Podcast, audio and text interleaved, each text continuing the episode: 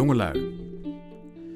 De 94-jarige Jan Hoek uit Rotterdam schreef een brief aan de jeugd, die iedereen inmiddels wel zou hebben gelezen. Sinds dat touwtje uit de brievenbus van Terlouw is er niet meer zoveel aandacht geweest voor een boodschap van een mens op leeftijd. Die boodschap is sympathiek en duidelijk. Jongelui, hou het nog even vol. Voor ons. Dan kun je volgend jaar weer verder feesten. Ter motivatie vertelt hij over zijn eigen jeugd, waarvan hij tien jaar heeft moeten inleveren in de Tweede Wereldoorlog en de nasleep daarvan. Goeie brief, volgens vriend en vijand. Wie heeft daarvan terug?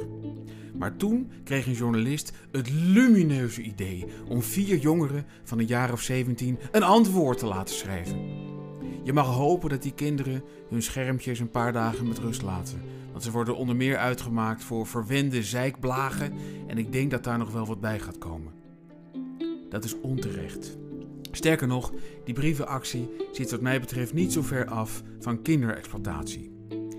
Dat deze 17-jarigen verwend overkomen, betekent niet automatisch dat ze gebrek aan empathie bezitten of dat ze het veel en veel te goed hebben. Het betekent dat de offers van ontelbaar veel mensen in de meest recente wereldoorlog zin hebben gehad en nog steeds hebben. De vrijheid waarvoor zij hun offers brachten bleek zo duurzaam dat mijn generatie al niet meer weet hoe het moet zijn om niet in vrijheid te leven.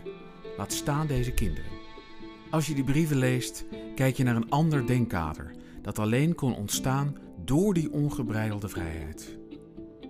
En tenzij we willen veranderen in het soort mensen dat zegt: het zou goed zijn als er weer eens een oorlog kwam, daar zouden ze van opknappen, zouden we onze handen mogen dichtknijpen met kinderen die de moeite nemen om de dialoog aan te gaan vanuit hun wereldbeeld. Want die dialoog, daar zijn de tussenliggende generaties beduidend minder goed in. Wereldwijs worden kinderen vanzelf, zeker in deze tijd. Daar hoeft niemand bang voor te zijn. Nu hun verwekkers nog.